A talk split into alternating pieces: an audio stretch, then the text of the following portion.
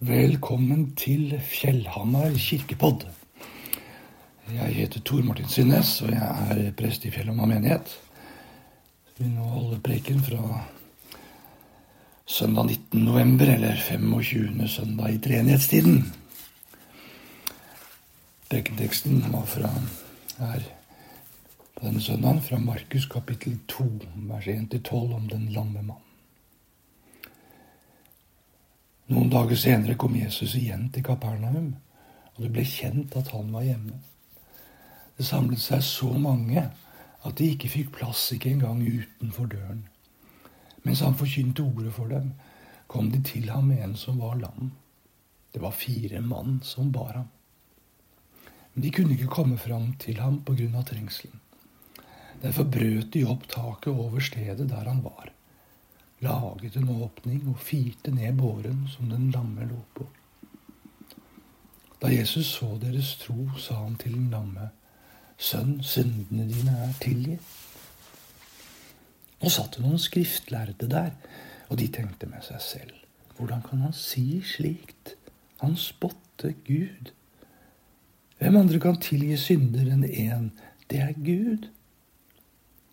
Straks visste Jesus i sin ånd at de tenkte slik, og han sa til dem, Hvorfor går dere med slike tanker i hjertet?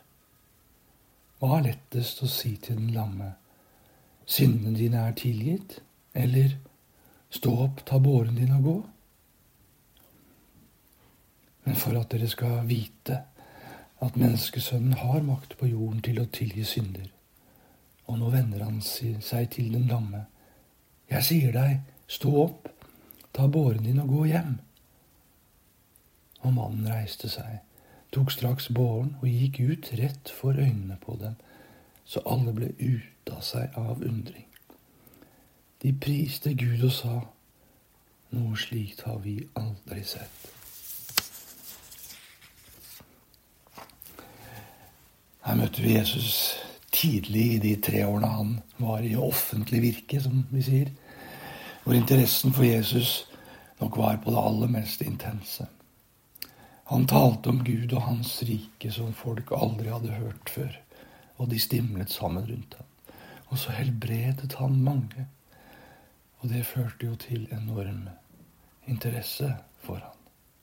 Folk ble så ville at Jesus nærmest måtte rømme unna. Litt som han Braut Haaland i dag som jo ikke kan bevege seg noen steder uten at folk strømmer til. Da. Han må smøgles ut bakveien på flyplasser og fotballstadioner. Rett før Jesus kom til Kapernaum i vår fortelling, så står det at Jesus kunne ikke lenger vise seg i noen by. Han holdt til utenfor byene på øde steder, men folk kom til ham fra alle kanter. Og altså hjemme i Kapernaum skjedde det igjen. Full kok og masse folk og stor trengsel. Alle ville høre ham og se de fantastiske underne og utrolige helbredelsene han gjorde. Og da er det at det kommer fire karer med en lam på en båre. Ryktet om Jesus var nådd dem, og nå var sjansen for deres lidende og sterkt handikappede venn. Men de hadde jo ikke sjanse til å komme fram til Jesus inne i huset. De kom seg jo ikke engang i nærheten av inngangsdøra. Men ut fra alt det de hadde hørt den Jesus gjorde for syke, så ville og kunne de ikke la seg stoppe av det. De fant trappa på siden av huset som gikk opp på taket, fant ut hvor Jesus satt, og brøt i stykker taket der. Følelsen av at dette var deres venns store sjanse for et bedre liv, drev dem til hærverk med et helt sikkert påfølgende erstatningskrav. Og det på huset til han som de ville be om hjelp, kalte sitt hjem. Taket var nok laget av bjelker med grener imellom, tettet med hardpakket jord, som var vanlig på den tiden for å lage tak. Og da de brøt opp taket, må du ha drysset noe jord ned under, Kanskje en grein har falt ned. Og folk må ha reagert og bedt og sagt de må stoppe. Men eh, De fire med denne ga seg ikke før hullet var stort nok til at de kunne få båren med kameraten deres gjennom, og så få heise han ned foran Jesus. For det var målet deres, å få vennen deres fram til Jesus. Jesus stoppet opp og ga oppmerksomhet til båren da den ble fyrt ned, og den lampe. Og Jeg ser for meg at Jesus så på dem og på de vennene og smilte. Kanskje han vil ta vel imot kameraten. Og han snakket til ham. Og så sa han, Sønn, dine synder er tilgitt. De fire vennene ser jeg for meg så på hverandre. Helt paffe. Men skjønner ikke Jesus hva de vil? Fint med synstilgivelse. Men han må jo gjøre vennen frisk. Så startet en diskusjon med noen fariseere der nede hvor han anklaget dem for tankene de, de hadde tenkt. Hvordan visste han det? Så ble det noe med at han skulle vise at han kunne tilgi synder. Og da skjedde det. Han ba kameraten deres reise seg og ta båren og gå hjem. De fire vennene hang ned i hullet og falt nesten ned, de også, mens de så vennen deres reise seg og ta båren sin og gå ut. Etter noen sekunders sjokk og sjekk om de virkelig så riktig, så brøt lovprisningen løs hos alle. For noe slikt hadde de aldri sett. Hva er lettest å si til den lamme, spurte Jesus. Syndene dine er tilgitt, eller stå opp, ta båren din og gå. Det er veldig enkelt for meg, og jeg regner med for oss alle, å svare på det spørsmålet. Det enkleste er definitivt å tilgi synder. Det er mye enklere, syns jeg, å døpe og dele ut nattverd og tilgi noen i Faderens, Sønnens og Den hellige ånds navn, enn det er å helbrede noen ved å legge hendene på dem og be for dem. Jeg er redd for at meg sjøl, Fjellhamar menighet og hele kirka vår ikke minst prestene i kirka, blir veldig preget av hva som er lettest. Og så forbigår vi det som ikke er så lett, i mer og mer stillhet. Fordi det er så sjelden vi ser noen bli helbredet, så mister vi troa og motet. Vi føler oss ubekvemme både å si noe om det og gjøre noe med det. At vi heller bare lar det være. Vi holder oss til nåden og det å få tilgitt synder. Det har vi kontroll på. Men da dreper vi kjerka vår. Hvis vi skal ha kontroll Å være kirke og være kristen er at vi ikke at vi har kontrollen, Den må Gud ha. Bare da kan det være kirke, og vi leve et kristent liv. Så la oss be om at Gud skal gjøre oss friske og helbrede oss når vi trenger det, og sykdom er truende. Så får Gud ordne og ha kontrollen på hva som måtte skje. Vi må ikke ta over kontrollen ved å ikke be til Gud, fordi vi frykter at ikke noe da skal skje. Og det er så ubehagelig og vanskelig å forholde seg til. Vår jobb er å be. Uavlatelig, står det i Bibelen. Og så må Gud ta ansvaret for svaret. Han må ha kontrollen. Hvis vi spør hva som er viktigst for den lamme, eller hva som var viktigst for den lamme, hva som er viktigst for deg og meg, hva vi lengter mest etter å be mest inderlig om når det kommer til stykket, hva er det? Aldri er det flere som ber enn når alvorlig sykdom rammer, og når alt vi kan stille opp med, ikke funker og hjelper. Jeg har blitt behandla for kreft i sommer og skal nå kontrolleres i fem år før jeg kan bli klært medisinsk frisk. Mange har bedt og ber for meg fortsatt. Det er jeg dypt takknemlig for. Og de har jo ikke bedt om at jeg skal få mine synder tilgitt, selv om de nok burde gjort det òg. Men de har først og fremst kjempa og bedt om at jeg skal bli frisk, som jeg sjøl har gjort også. Det som mest av alt driver oss mot Gud, og som gjør at de fleste ber når alt annet håp er ute, er håpet at Gud er der på en eller annen måte kan hjelpe oss når vi blir hjelpeløse og vi ikke har noe annet å sette vår lit til. Når vi ikke rår med livet lenger. Hvis vi slutter å be for og med hverandre om det som virkelig betyr noe for oss, så blir det et skille mellom livet og troen. Livet er én ting, og så er troen på en annen planet. Og det er døden for både livet og troen. Lammelse trenger ikke bare være fysiske lammelser. Livet kan lammes av så mye. Vi kan bli lammet i sjel og sinn, følelser. Vi kan bli lamma sosialt i relasjonene til de vi er nærmest, folk rundt oss. Og lammelsene som vi kan oppleve i sjel og sinn og følelser og relasjoner, kan få oss til å krype sammen til å ville legge oss ned og gi opp, til å gjemme oss eller skamme oss. Livet kan lammes på så mange måter for oss. I august og september, i tida etter at behandlingen var ferdig, ble jeg rammet av fortvilelse og angst som jeg aldri har kjent på før. Jeg var plaget etter stråling og cellegift, kraftløs og var satt på sidelinja, og greide ikke å bidra i noen ting. Jeg hadde vondt for å spise, det var masse spytt og slim hele tiden, og jeg sov dårlig. Men aller verst var at jeg ble så overmannet av håpløshet. Det blir aldri bedre, tenkte jeg. Jeg orker ikke å ha det sånn lenger. Det må endres nå. Jeg så ikke noe håp. Kona mi var den som da bar båten, eller skal vi si bar båren for meg da.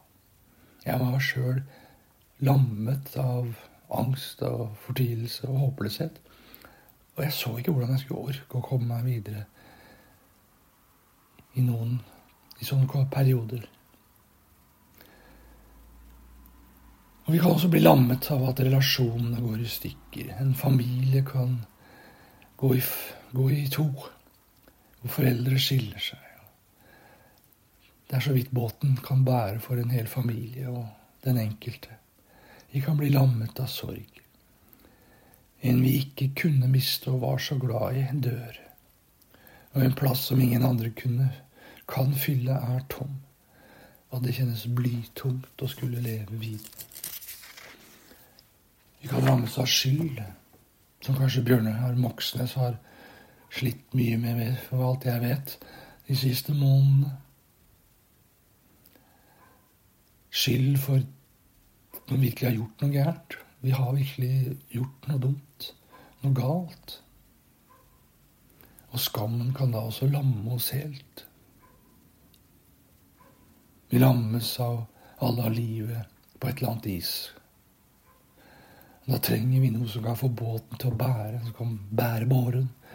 Og vi trenger noen som kan hjelpe oss å reise oss opp igjen fra det som vil lamme oss og få oss til å gi opp og få oss til å bli liggende nede.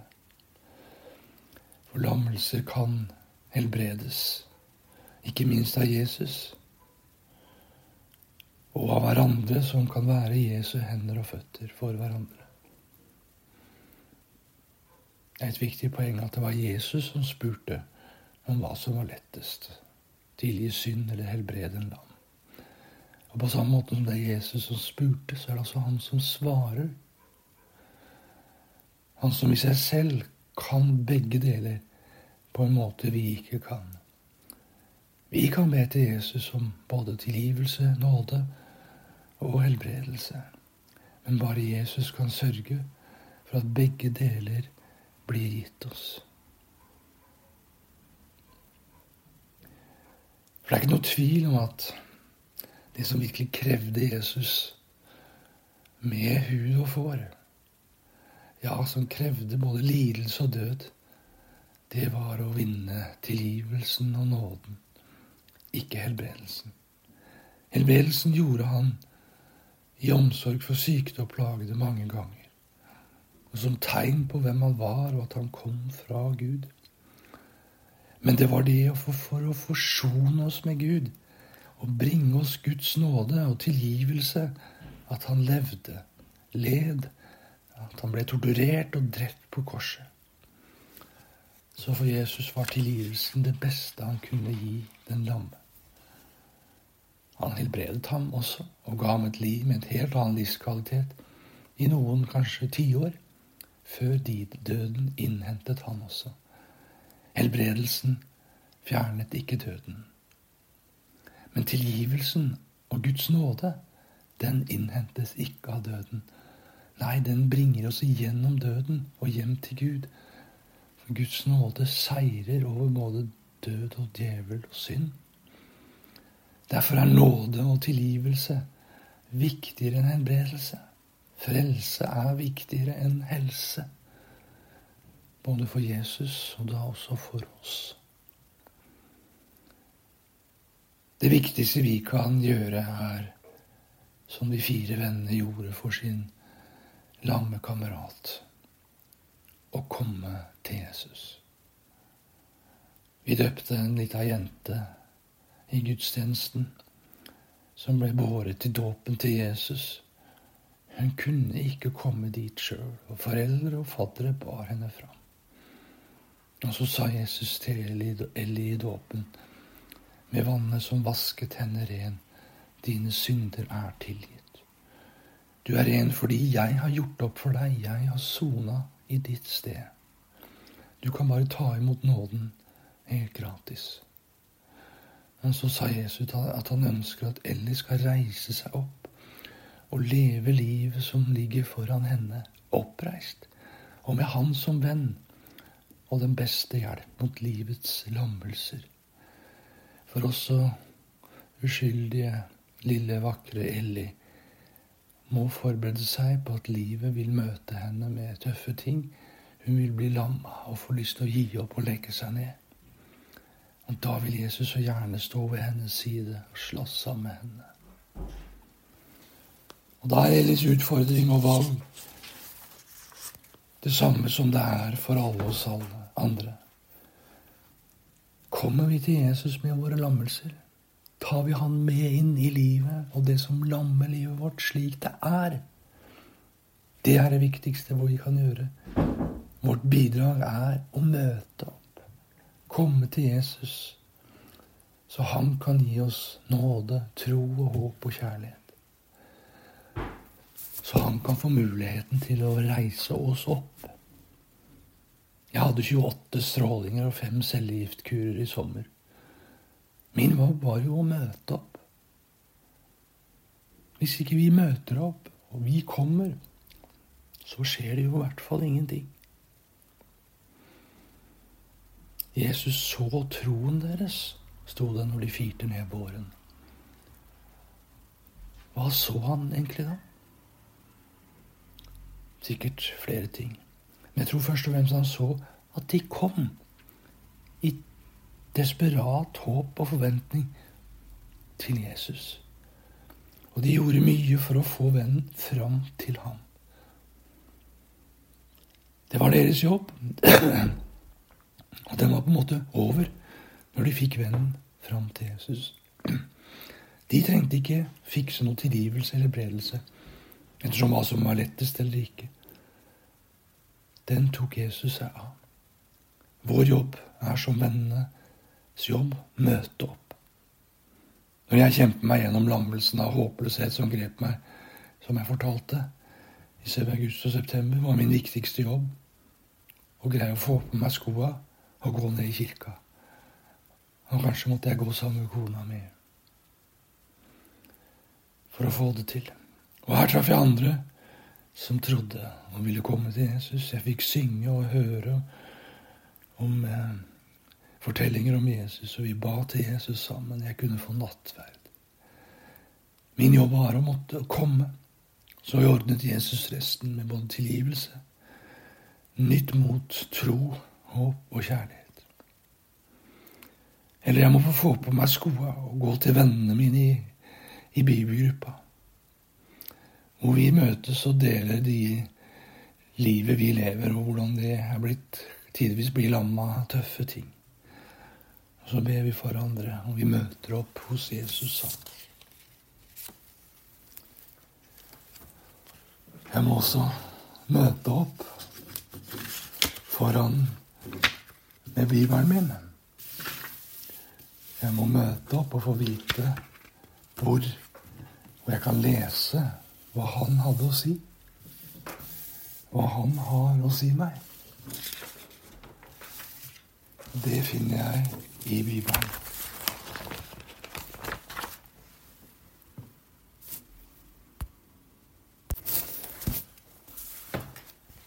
Når jeg åpner min bibel og ber, så kan jeg komme fram for Jesus med livet som det er. Har du egentlig aldri møtt opp hos Jesus, så kan det være et sted å begynne i all forsiktighet. Be en bønn om at han må komme deg i møte og være din venn og hjelper til å reise deg opp. Eller komme i kjerka. Har du møtt opp hos Jesus hundrevis av ganger, så må det det vi må fortsette med. Vår jobb er å møte opp. Og Av og til så må vi hjelpe hverandre å møte opp. Av og til måtte noen ta med meg når håpløsheten grep meg, og hjelpe meg å komme. Andre ganger er det jeg som må ta med deg eller andre. Vi må ta med oss hverandre til Jesus og hjelpe hverandre. Og etter jul så skal vi ha et nytt alfakurs i kirka vår. De tirsdager blir som lørdag og søndag. Det spises middag, det undervises om sentrale tema i kristen tro. Så diskuteres det helt åpent ut fra ulike synspunkter om hva vi har hørt, om hva vi tenker om Jesus og kristen tro. Og hva vi kan lære. Et åpent sted for alle som er nysgjerrig på hva kristen tro er. Også de som har funnet en tro, men ønsker å lære mer, passer det for. Et spennende sted å bli kjent med kristen tro og Jesus. Men skal noe skje, så må vi møte opp. Og ta deg gjerne med en venn, og kom sammen. Og så ser vi hva som skjer. Nattverden som vi feirer i gudstjenesten, er mulig til å komme, til å møte opp. Man trenger ikke ha en avklart og ferdig tro, men et ønske om å komme i kontakt med Jesus. Min, din og min jobb er å møte opp, og så skal Jesus ordne resten. Kom gjerne. Ikke minst hvis det er for første gang. Og så får vi se hva som skjer. Ta imot velsignelsen. Herren velsigne deg og bevare deg. Herren la sitt ansikt lyse over deg og være deg nådig. Herren løfte sitt åsyn på deg og gi deg fred. Amen.